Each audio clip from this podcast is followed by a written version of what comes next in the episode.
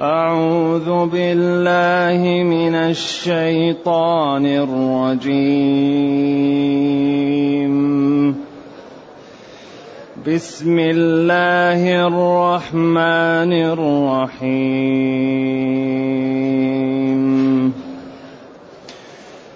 يا أيها الناس اتقوا ربكم. يا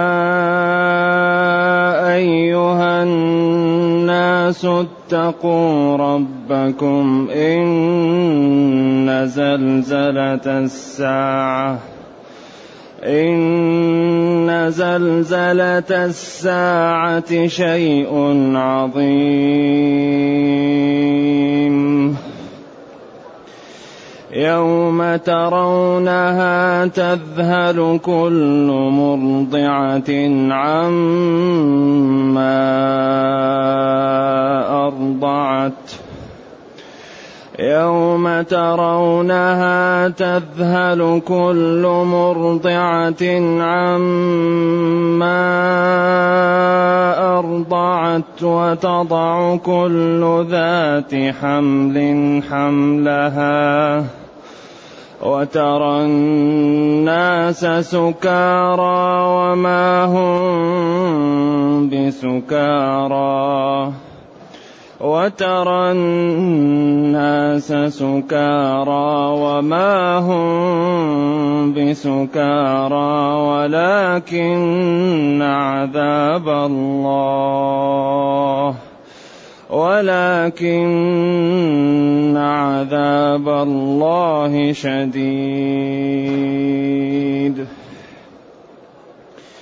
ومن الناس من يجادل في الله بغير علم ويتبع كل شيطان مريد. كتب عليه انه من تولاه فانه يضله كتب عليه انه من تولاه فانه يضله ويهديه إلى عذاب السعير. يا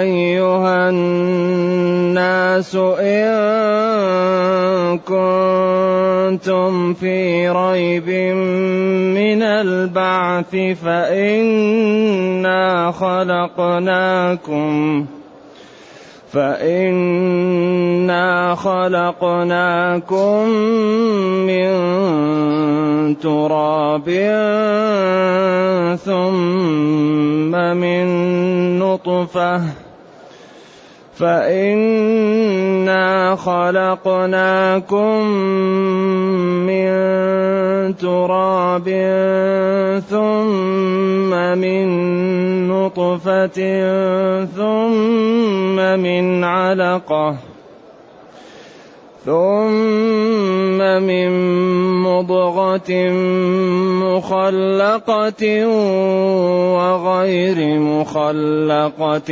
لنبين لكم ونقر في الأرحام ما نشاء. ونقر في الأرحام ما نشاء إلى أجل مسمى ثم نخرجكم طفلا ثم لتبلغوا ثم نخرجكم طفلا ثم لتبلغوا أشدكم ثم لتبلغوا أشدكم ومنكم من يتوفى ومنكم من يرد ومنكم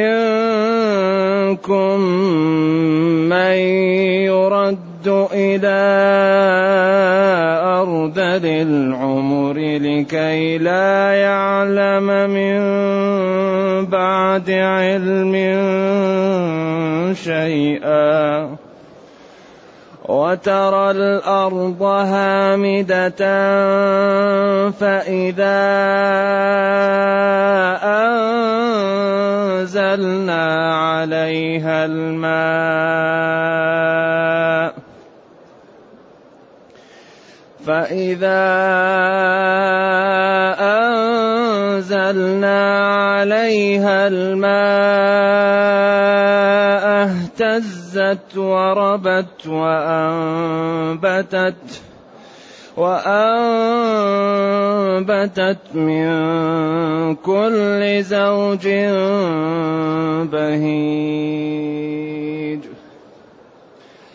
ذلك بأن الله هو الحق وأنه يحيي الموتى وأنه يحيي الموتى وأنه على كل شيء قدير.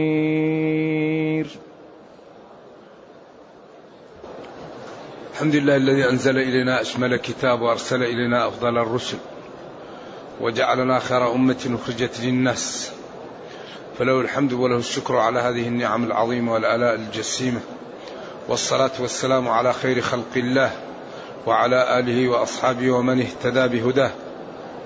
أما بعد فإن هذه السورة من السور المختلف فيها سورة الحج وأذن في الناس بالحج. ولله على الناس حج البيت أو حج البيت. نعم من استطاع إليه سبيلا فهذه السورة تسمى سورة الحج. واختلف العلماء فيها فمنهم من قال مكية ومنهم من قال مدنية ومنهم من قال مكية ومدنية. وهي فيها ليلي ونهاري وحضري وسفري. فيها من نزل في الليل وفيها آيات نزلت بالنهار وآيات نزلت في السفر وآيات نزلت في الحضر وفيها ناسخ ومنسوخ. فهي سورة في جامعة. نعم. ولما ذكر قال رب احكم بالحق وربنا الرحمن المستعان على ما تصفون.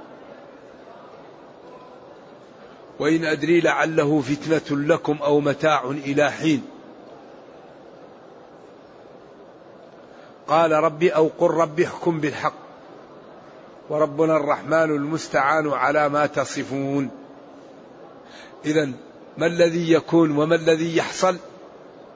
يكون يحصل هو البعث وقيام الساعة وأهوالها. فيا أيها الناس يا مسلمون يا منافقون يا كفار اتقوا ربكم. فهناك كانوا يخوفون ويقال لعله أي اللي هو العذاب أو الوقت اللي أجل لكم فتنة لكم ابتلاء واختبار أو متاع إلى حين آجالكم. طيب وما الذي بعد الآجال؟ وما الذي بعد التمتيع؟ وما الذي يكون به الحكم؟ اتقوا ربكم إن زلزلة الساعة. شيء عظيم. لذلك هذه السور وهذه الآيات مترابطة ترابط عجيب. يا أيها الناس تقدمت البسملة والخلاف فيها وتكرر وأنها أحسن ما يقال أنها في بعض القراءات من القرآن وفي بعض القراءات ليست من القرآن. فمن جهر بها جعلها من القرآن ومن أسر بها لم يجعلها من القرآن كالواو من وسارعوا ومن من قوله جنات تجري من تحتها الأنهار في سورة التوبة. ففي حروف في بعض القراءات موجودة وفي حروف في بعض القراءات ليست موجودة وأحسن ما يقال من ذلك البسملة. وليس للقرآن تعزى البسملة وكونها منه أي من القرآن الخلافي أي الخلافي نقله. وبعضهم بعض العلماء إلى القراءات نظر وذاك للوفاق بين الأقوال حكم معتبر. هذا أحسن ما يقال في هذا. إذا من قال البسملة من القرآن كلام صحيح ومن قال البسملة ليست من القرآن الكلام صحيح. ولا نضيق واسعة. بسم الله أي أبتدئ قراءتي بتسمية المعبود بحق الذي شملت رحمته جميع الخلق. وخص المؤمنين برحمة خاصة. يا أيها الناس يا لنداء البعيد. ولا يعمل محذوف إلا هي من أدوات النداء. الناس الخلق. بنو آدم هم الناس. وإذا نودي الناس فالغالب أنها لجميع أوصاف بني آدم. المتقون المجرمون المنافقون اليهود النصارى.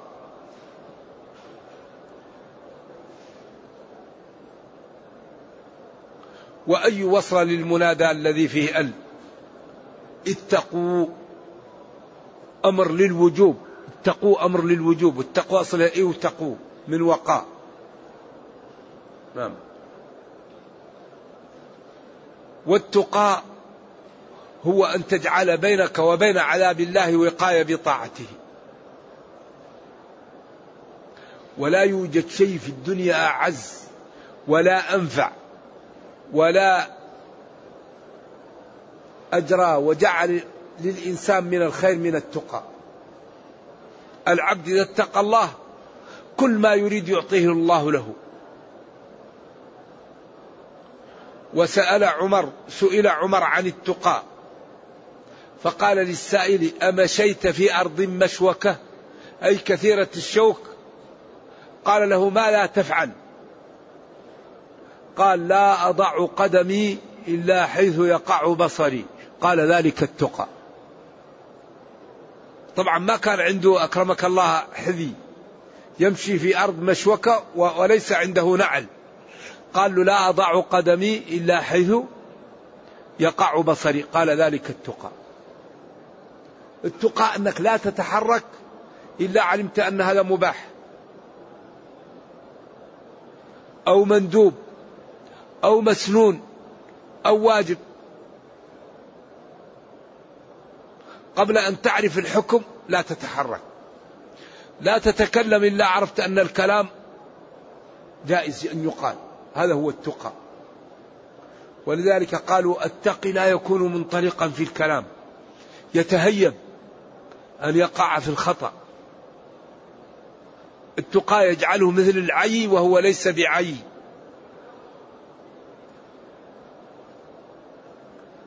وكل من اتقى ربه كل ما يريد يعطيه الله له. لأنه قادر وكريم وغني. وهذا عبد أطاعه واستقام واتقاه وخافه فامتثل أوامره واجتنب نواهيه؟ كل ما يريد يعطيه الله له. ولذلك من امتلأ قلبه من التقى الحياة نجح ولكن التقى لا ينال إلا بما لا لا يمكن ينال التقى إلا بالمكابدة.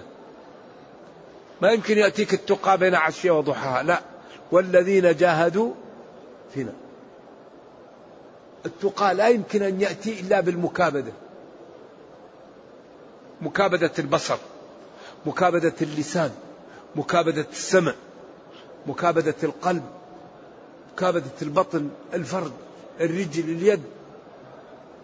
فإذا كابدت الطاعات وجاهدت نفسك في الكف عن الحرام عند ذلك ينمو جذع الإيمان في قلبك فيأتي التقى. فتكون إذا نظرت رأيت شيئا حرام غضضت بصرك وجاءتك نشوة وفرحة وسعادة لأنك امتثلت قول الله تعالى قل للمؤمنين يغضوا من أبصارهم. وإذا أردت أن تتكلم وتذكرت أن هذا الكلام غير صحيح وأنك لا علم لك به سكت وامتلأت فرحا لأنك امتثلت قول الله تعالى ولا تقف ما ليس لك به علم. وإذا أردت أن تضحك جلساءك أو تحدثهم لتدخل لهم السرور تذكرت أن هذا الكلام فيه غيبة كففت عن الكلام وامتلأ قلبك انشراح لأنك امتثلت قول الله تعالى ولا يغتب بعضكم بعضا. هذا هو التقى. تقى أن تسير على على على ضوء من شرع الله و و و وعلى بصيرة من حياتك في اتباع شرع الله هذا هو التقى. وإذا اتقى العبد ربه الله يغنيه ويحميه ويهديه ويوفقه. وإذا جاء بعض الشياطين يريد أن يضره ربك يدمره. ما يرضى. العبد التقي الله يحميه. إن الله يدافع عن الذين آمنوا. ولينصرن الله من ينصره. من عادى لي وليا فقد آذنته بالحرب. ونبي الله هود عليه وعلى نبينا الصلاة والسلام لما خوفه قومه من الأصنام وقالوا له يا هود ما جئتنا ببينة وما نحن بتاركي آلهتنا عن قولك وما نحن لك بمؤمنين إن نقول إلا اعتراك بعض آلهتنا بسوء. فثارت فيه غريزة التقى والإيمان فغضب وقال لهم إني أشهد الله واشهدوا أني بريء مما تشركون من دونه فكيدوني جميعا ثم لا تنظرون إني توكلت على الله ربي وربكم ما من دابة إلا هو آخذ بناصيتها قالوا أنتم أمة وخلق كثير وأنا فرد ضروني توكلت على الله. فما استطاع أن يضروه. ولذلك الله يقول ومن يتق الله له مخرجا. قال ابن إسحاق منفذا من كل ضيق.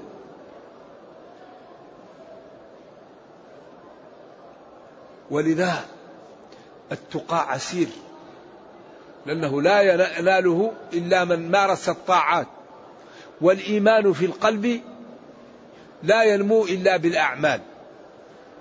وبدون الأعمال الإيمان يذبل. فالإيمان مثل الأشجار.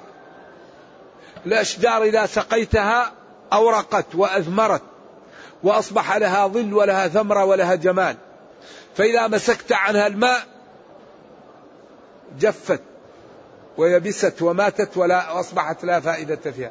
فكذلك الإيمان إذا سقيته بالأعمال بالطاعة وبأعمال الصالحة نما في قلبك وقوية فكنت من المتقين.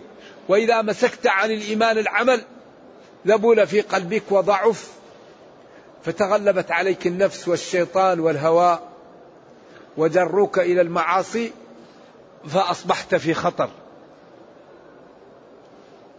إذا يا أيها الناس اتقوا ربكم. اتقوا ربكم.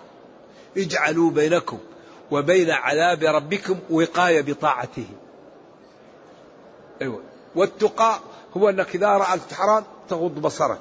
إذا سمعت حرام تسد أذنك.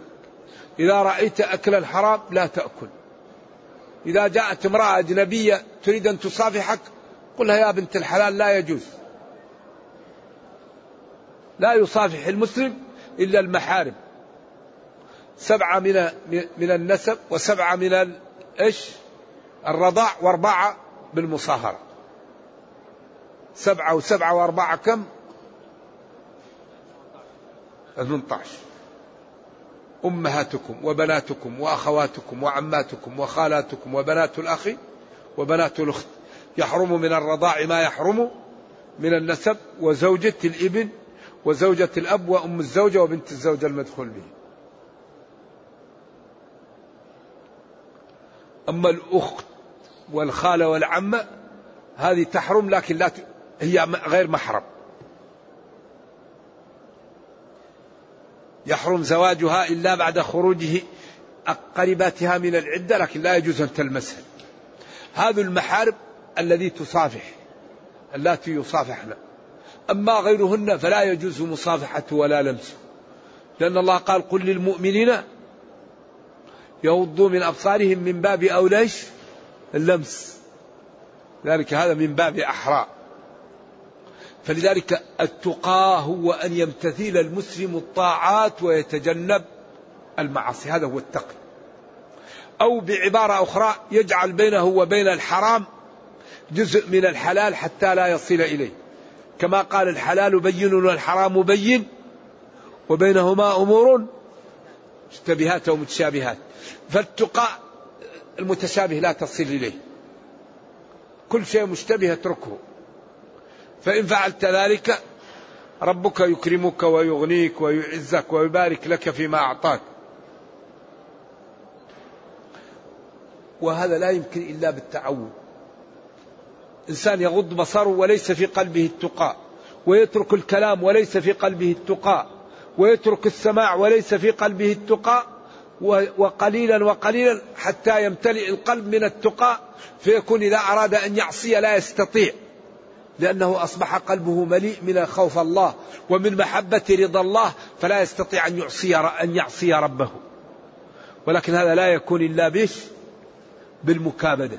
والذين جاهدوا فينا لنهدينهم سبلا طيب قال إن زلزلة الساعة شيء عظيم.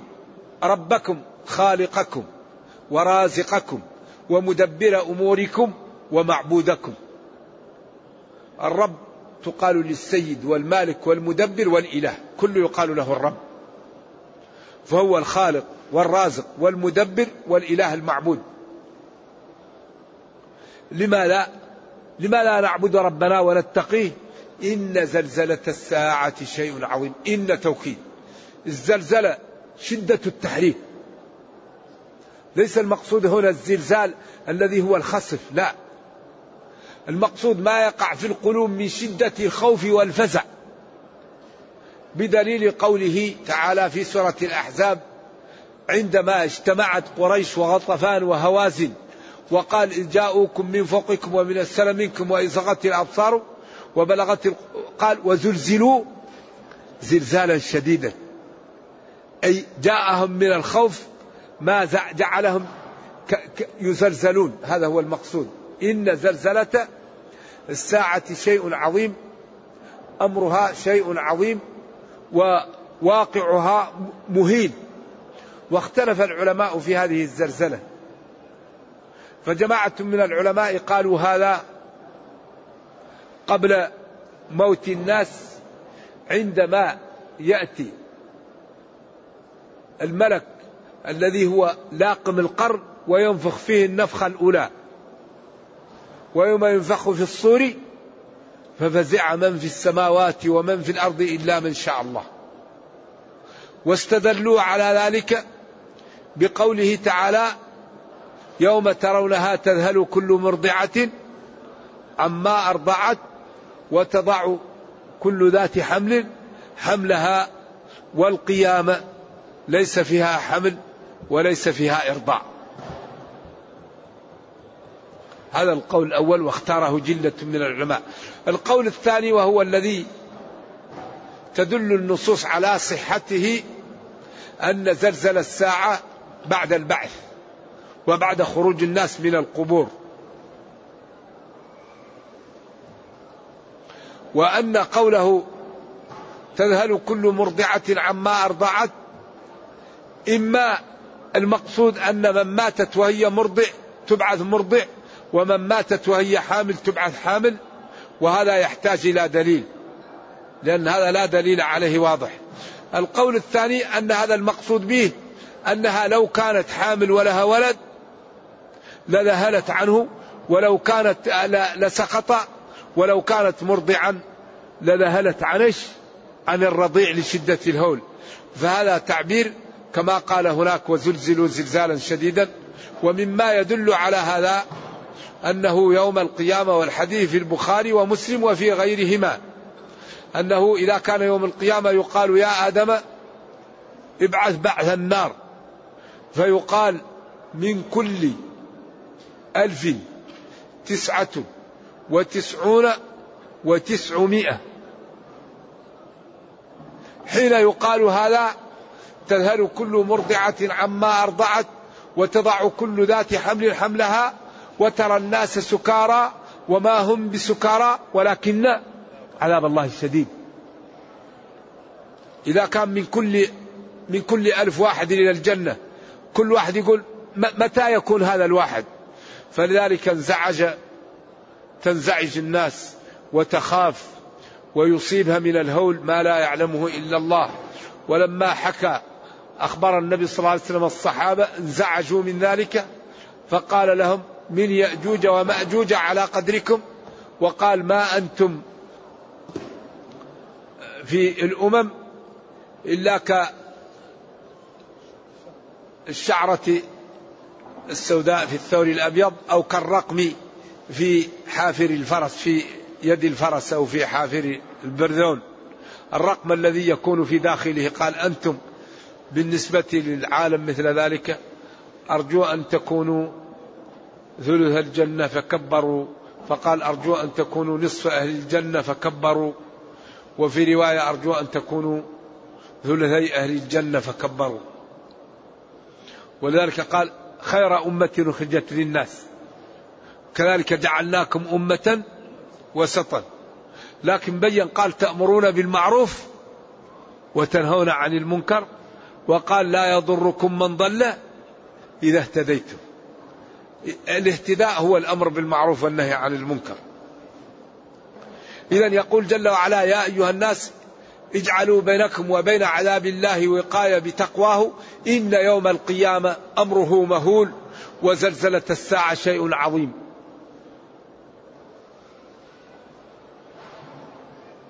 يوم ترونها تذهل. كل مرضعة عما أرضعت. يوم ترونها يذهل. الذهول هو النسيان أو الترك أو ذهاب الخاطر عما كنت تهتم به لوجود شيء أعظم منه. إنسان يكون في شيء تدخل عليه حية يذهب أو ثعبان يذهل عما كان عنده أو يدخل عليه أسد يريد أن يأكله أو أو تشتعل نار عنده يذهل عما كان عنده.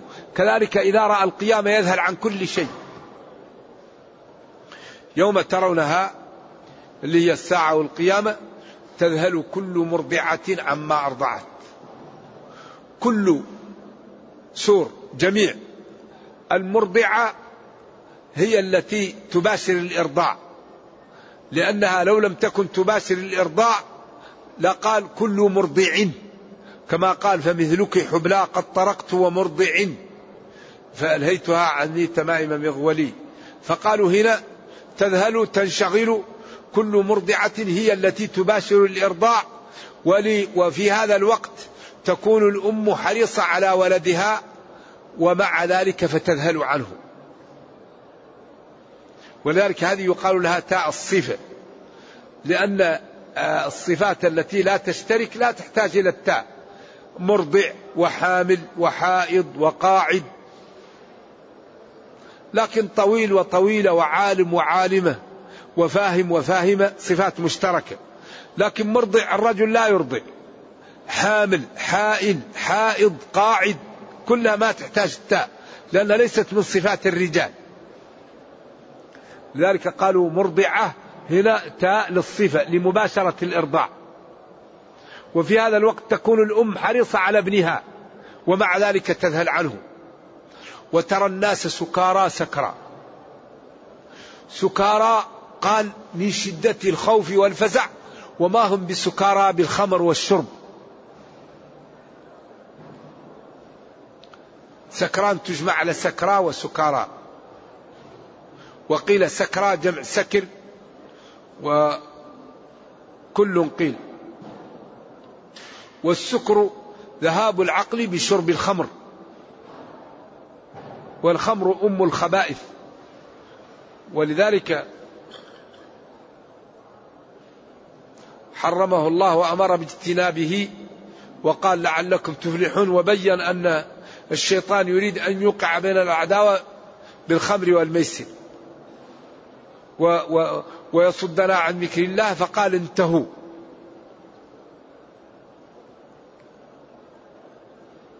ولكن عذاب الله شديد. ليس بهم سكر ولكن العذاب شديد. فلذلك أذهل الناس وجعلهم كالسكارى. إذا ما الخلاص؟ خلاص هذا بين لنا. فينبغي للإنسان أن يأخذ الحيط لنفسه. ولكن عذاب الله شديد. وكذلك أخذ ربك إذا أخذ القرى وهي ظالمة إن أخذه أليم شديد. إن الله لا يملي للظالم حتى إذا أخذه لم يفلت أو يأخذهم على تخوف. تخوف هو تنقص. يستدرجه يستدرجه وبعدين يأخذه فيقول يا ليتني يا ليتني.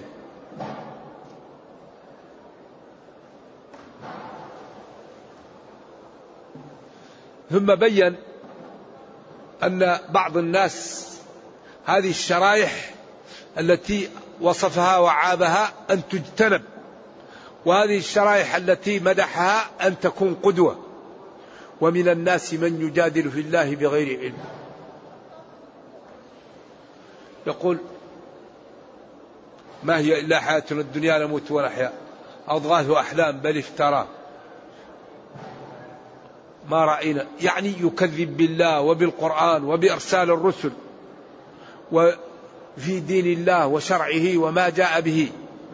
وفي وحدانيته وربوبيته وما أسداه لخلقه من نعمه يجادل في ذلك ويكذب ولا علم له بذلك. كالنضر بن الحارث قال أنا جئتكم بأحاديث فارس والروم أحسن مما جاء به محمد. ويتبع كل شيطان مريد. الشيطان في اللغة كل عات متمرد. سواء من الجن أو الإنس. ولذلك شياطين الإنس يساعدون شياطين الجن. وشياطين الجن يخدمون شياطين الإنس. ولذلك قال يوحي بعضهم إلى بعض زخرف القول غرورا. وقال وإخوانهم يمدونهم في الغي ثم لا يقصرون. نعم. ولذلك قال شياطين الإنس والجن. وقال جرير أيام يدعونني الشيطان من غزلي وكن يهوينني إذ كنت شيطانا كنت عات متمرد يعني لست بمستقيم.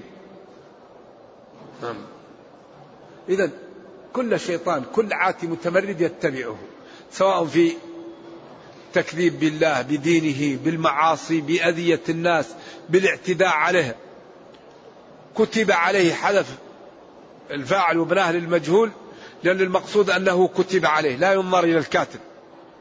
أنه من تولاه فأنه يضله ويهديه إلى عذاب السعير أو فإنه. كتب الله عليه وقدر عليه أن هذا الشيطان المريد من تولاه فأنه يوبقه ويوقعه في الهلك فإنه يضله ويهديه إلى صراط الجحيم. ولذلك ألم نجعل له عينين ولسانا وشفتين وهديناه النجدين. فيهدي إلى الحق وقد يسمى الذي يغوي ويضلل هداه إلى الضلالة.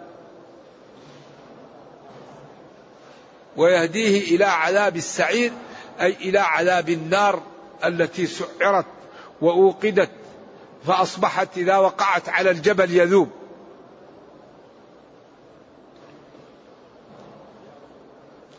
ثم بين استحقاقه للعبادة وإفراده بها لما له من النعم والقدرة الهائلة. فقال يا أيها الناس إن كنتم في ريب من البعث فإنا خلقناكم من تراب. كلام واضح. وأدلة ساطعة لا يستطيع أن ينكرها إلا مكابر. يا أيها الناس يا جميع الخلق إن كنتم في شك وريب من الحياة بعد الموت فاعلموا أنا خلقنا أباكم آدم من تراب. من تراب أباكم الذي هو أصلكم من تراب. ثم أنتم بعد ذلك خلقتم من نطفة ماء قليل مهين. من نطفة. وهذا يكثر في القرآن الاستدلال بالخلق على الخالق. وكل الخلق في القرآن هو دلالة على الخالق وعلى الوحدانية. خلق الجبال والأنهار والأشجار والبحار والدواب كل الخلق دلالة على الخالق. ثم من نطفة. النطفة هي الماء القليل والمقصود به المني. الذي يخلق منه. ثم من علقة وهو الدم الجامد. ثم من مضغة وهي اللحمة الصغيرة التي يضعها الإنسان في فمه ويمضغها ثم مخلقة وغير مخلقة. وهنا وقفة مع العلماء فيها. ولذلك علم الأجنة. الآن بعض العلماء الذين جلسوا في المختبرات عشرات السنين لما أخبروا بأن القرآن في هذا الأشياء أعلن إسلامه. قال أنا منذ عشرين سنة وأنا أتابع هذا. ومحمد صلى الله عليه وسلم كان أمي لا يقرأ ولا يكتب. من أين له هذا؟ هذا أكيد هذا الكلام من عند الله. هناك ديننا معجز. كل ما قوي العلم كل ما ظهر جمال هذا الدين وصدقه وأنه يستحيل أن يكون إلا من عند الله. إذا خلقناكم من تراب أباكم ثم من نطفة أنتم ولذلك الخلق منقسم أربعة أقسام. خلق آدم من غير أب ولا أم وخلق عيسى من أم من غير أب وخلق حواء من أب من غير أم وبقية الخلق خلقوا من أم وأب. القسمة رباعية. لتظهر قدرة الله ويعلم أن الله تعالى إذا أراد أن يخلق يخلق. من أب وأم أو من غير أب ولا أم ومن غير أم ولا أب أو من غير أب وأم. ثم من نطفة ثم من علقة وهي الدم ثم من مضغة وهي اللحم الصغير مخلقة وغير مخلقة. للعلماء في هذا قولان. مخلقة تامة. وغير مخلقة غير تامة وقيل المخلقة هي التي تكون تولد ويكتب لها البقاء وغير المخلقة هي التي تسقط صغيرة. وكأن هذا القول الذي ارتضاه جلة من العلماء قال الوالد في الأضواء إنه مرجوح. وأن الذي يظهر من السياق إنا خلقناكم. فجعل خلقنا من آدم من تراب ثم من نطفة ثم من علقة ثم من مضغة. هذه المضغة التي خلقنا منها بعضها تام وبعضها ناقص غير مخلق. فيه فيه قصر أو فيه أصبع أو فيه عاهة. بدليل قوله خلقناكم.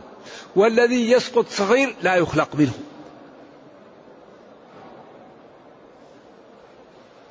واضح؟ قال إنا خلقناكم. فكيف يخلقنا منها؟ وهي سق... آه يعني سقطت صغيرة لم يخلق منها. ما يقال خلقنا منها.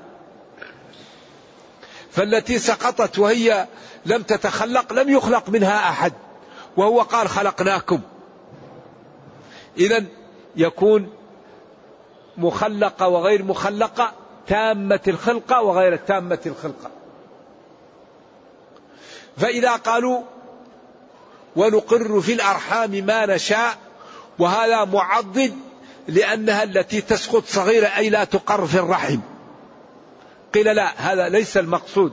المقصود ونقر في الأرحام ما نشاء من المخلقة وغير المخلقة بعضها ست شهور وبعضها تسعة شهور وبعضها ثمانية شهور وبعضها يزيد على ذلك يعني الذين يخلقون ممن كتب الله له البقاء ونخلق منه سواء كان تاما أو ناقصا المدة التي يعطيها في الرحم مختلفة.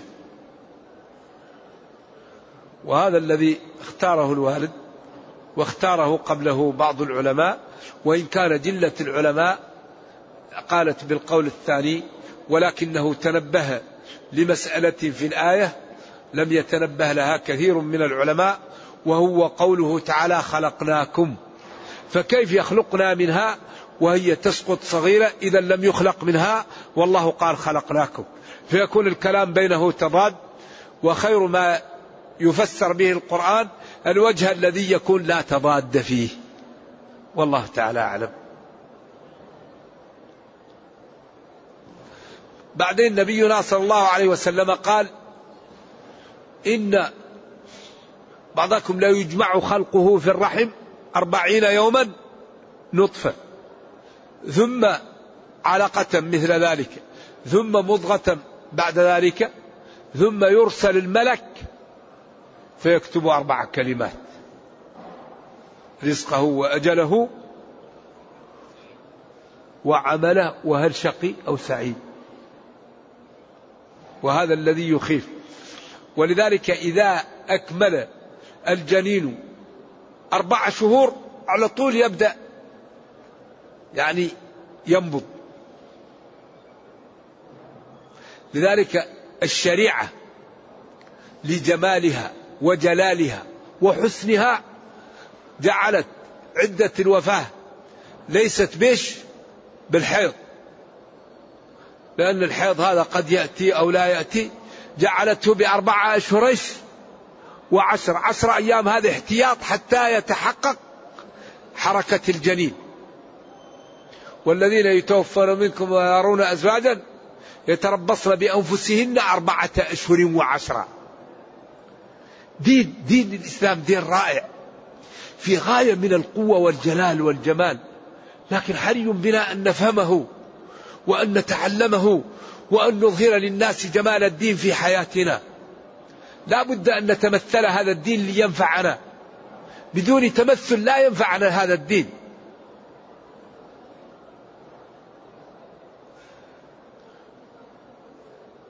ونقر في الأرحام ما نشاء إلى أجل مسمى. ثم نخرجكم طفلا أي أطفالا. لأنه أيوه. كما قال إن المتقين في جنات ونهر أي أنهار. أو الطفل الذين أي الأطفال. وهذا كثير في القرآن.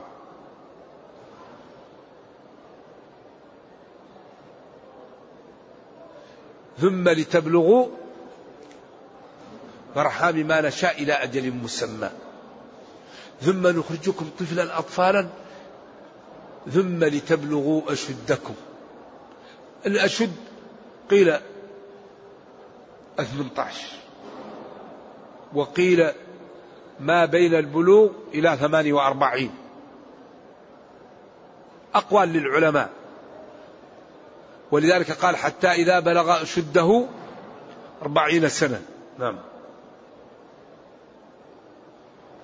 أخو أخو الخمسين مجتمع أشدي.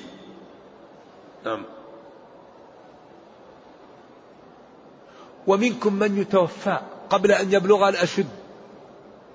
ومنكم من يرد إلى أرذل العمر. وهذا مستعاذ منه. أعوذ بالله من أرذل العمر.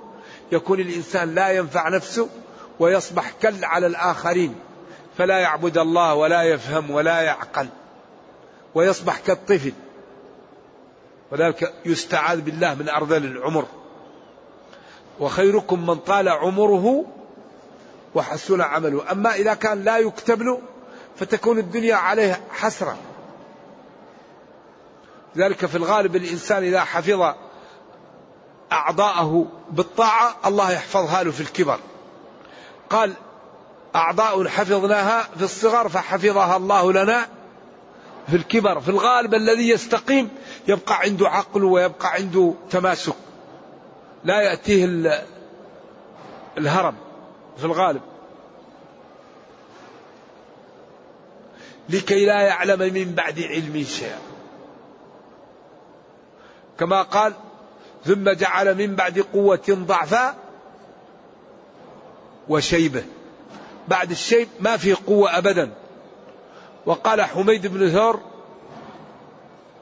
أرى بصري قد رابني بعد حدة وحسبك داء أن تصح وتسلم. يكفيك من المرض الصحة والسلامة لأنهما يوصلانك إلى مرحلة الهرم ولا يمكن أن تصح بعد ذلك. يكفيك من, من الداء الصحة والسلامة لأنهما يستمران بك حتى يوصلاك إلى مرحلة الهرم والضعف الذي لا قوة بعده. نعم. وهو فعلا تعبير رائع في ميميته المشهورة. ألا هي ما مما لقيت وهي ما وويحا لمن ألقى منهن ويحما إلى أن قال أرى بصري قد رابني بعد حدة. أرى بصري قد رابني يعني شككني وضعفني بعد قوة وحسبك داء يكفيك من المرض الصحة والسلامة. فإنهما يوصلانك إلى مرحلة الهرم. ثم جعل من بعد قوة ضعفا وشيبة. يخلق ما يشاء وهو العليم القدير. لكي لا يعلم من بعد علم شاء يصيب زهايمر ولا هذا الذي صاحبه لا يفهم عياذا بالله. الخرف. ثم جاء بالدليل الثاني على قدرة الله وقال وترى الأرض هامدة. هامدة. لا ماء فيها ولا مرعى ولا نبات. فإذا أنزلنا عليها الماء اهتزت تحركت وربت ارتفعت وأنبتت من كل زوج صنف وأنواع به جميل. إذا رآه الإنسان ينشرح به. بعدين قال ذلك بأن الله هو الحق المعبود بحق. وأنه يحيي الموتى كما أحيا هذه الأرض. وأنه على كل شيء قدير. إذا أكبر أدلة على الخالق هو الخلق وإحياء الأرض بعد أن كانت يابسة إحياء النبات. وديننا دين قائم على الأدلة والبراهين. فحري بنا أن ندرسه. حري بنا أن نعطي وقتا لكتاب ربنا ولسنة نبينا فنقرأ القرآن و و ونفسره ونستشرحه ونسأل عما يشكل لنا لأن الله يقول فاسألوا أهل الذكر إن كنتم لا يعلمون وورد أن لا هل لا سألوا إنما شفاء العي السؤال وابن عباس قالوا له بما حفظت العلم قال بقلب عقول ولسان سؤول نرجو الله جل وعلا أن يفهمنا القرآن ويرزقنا العمل به وأن يرينا الحق حقا ويرزقنا اتباعه وأن يرينا الباطل باطلا ويرزقنا اجتنابه وأن لا يجعل الأمر ملتبسا علينا فنضل. اللهم ربنا أتنا في الدنيا حسنة وفي الآخرة حسنة وقنا عذاب النار. اللهم اختم بالسعادة آجالنا واقرم بالعافية غدونا وآصالنا. واجعل إلى جنتك مصيرنا ومآلنا. سبحان ربك رب العزة عما يصفون وسلام على المرسلين والحمد لله رب العالمين والسلام عليكم ورحمة الله وبركاته. يقول البنت أعوذ بالله إذا كانت من الزنا وأرادت أن تتزوج من يكون وليها؟ يكون وليها أقرباء أمها أو الإمام. أقرباء أمها هم أولياؤها. أبو أمها أو أخوها من أمها هو وليها أو إذا لم يوجد لها قريب إمام المسلمين وليها أو جماعة المسلمين. تقوم لها بذلك لأن الدين يسر وكل شيء في الإسلام محلول. كما قال فإن لم تعلموا آباءهم فإخوانكم في الدين ومواليكم. نعم. إذا طلقت المرأة وبانت من زوجها بينونة كبرى هل يكون أب الزوج محرما لها؟ نعم أب الزوج ولو طلقت محرم لها وابن الزوج ولو طلقت محرم لها.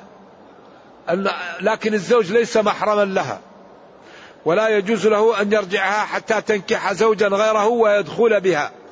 وتخرج من العدة فهو أحد الخطاب. يعني عقوبة له على تحريم زوجه. ما الفرق بين العبادة والعلم؟ العبادة أعم من العلم. كل طلب علم عبادة وليست كل عبادة علم. لأن الصلاة عبادة والطهارة عبادة وغض البصر عبادة والدعاء عبادة. وأن تبر بوالديك عبادة. والعلم هو أن تتعلم العلم تقرأ وتعرف ما الواجب ما الحرام ما المكروه ما المندوب ما المسنون ما المباح. هذا هو العلم. نعم فالعبادة أعم من العلم. هل يخرج من الدين الإسلامي من لعن من لعنه الله عياذا بالله؟ هذا أحاديث الوعيد مقصود بها التنفير. وفي باب اسمه باب الردة باب موجود في الفقه وفي هذه الأحكام وفي آيات الأحكام. الردة تكون بالكفر وبالشرك وبالازدراء بالمصحف. وبسب الله أو بالرسول صلى الله عليه وسلم أو بالتكذيب بالقرآن. قال بعض العلماء من سب عائشة فقد ارتد لأن الله قال أولئك مبرؤون مما يقولون.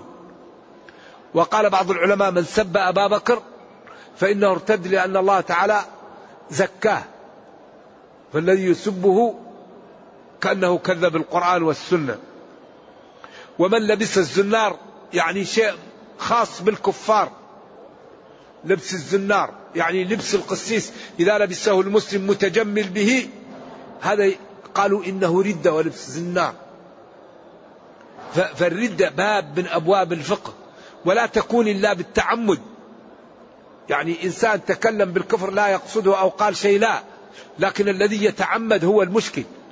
لأن الله تعالى لا يؤاخذ إلا بما في القلب. إنما الأعمال بالنيات. أما الذي يأتي على اللسان لا يؤاخذ به. ولذلك قال لا يؤاخذكم الله باللغو في أيمانكم.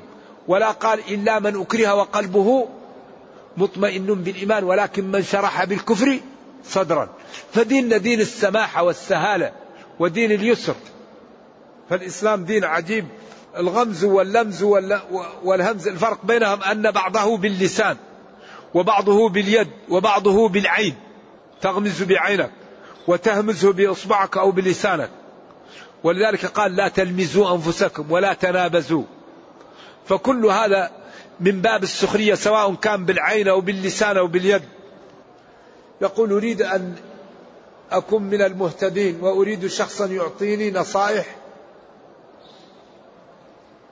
الحرام ابتعد منه والواجب فعل منه ما استطعت. وأكثر من ذكر الله والاستغفار ولا تجعل لك وقت فراغ. أكبر ما يضر الناس الفراغ. المسلم لا يجعل عنده فراغ. يصلي يذكر الله يقرأ القرآن يشتغل يزور مريض يزور اقربائه يزور المسلمين يساعد. المسلم لا يترك عنده فراغ. لأن الفراغ هو الذي يأتي بالتفكير ويأتي بالغيب ويأتي بضياع الوقت. فالمسلم دائما يكون وقته مليء. فلذلك من أحسن ما يفعل المسلم يملئ وقته بالخير. ما يجعل له فراغ يأكل فيه الغيبة يكذب يعمل ما لا ينبغي.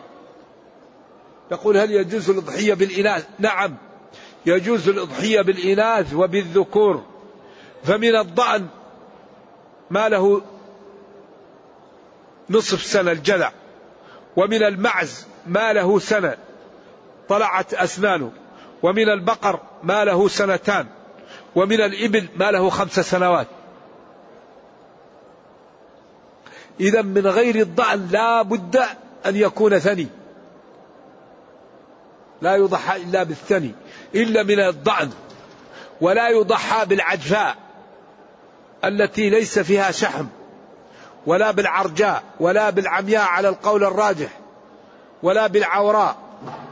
يعني لأن الذي يريد أن يعطى لله ما يعطى له إلا شيء جميل كما قال تعالى ولا تيمموا الخبيث منه تنفقون ولستم بآخذيه إلا أن تغمضوا فيه قال ذلك ومن يعظم شعائر الله فإنها من تقوى القلوب قالوا استسمانها واستغلاء أثمانها والبدن جعلناها لكم من شعائر الله قالوا استسمانها واستغلاء أثمانها فلا يأخذ المسلم يعمل أضحيته يأخذها عجفاء لا تنقي لا ما يصلح هذا ولا, ولا يجزي.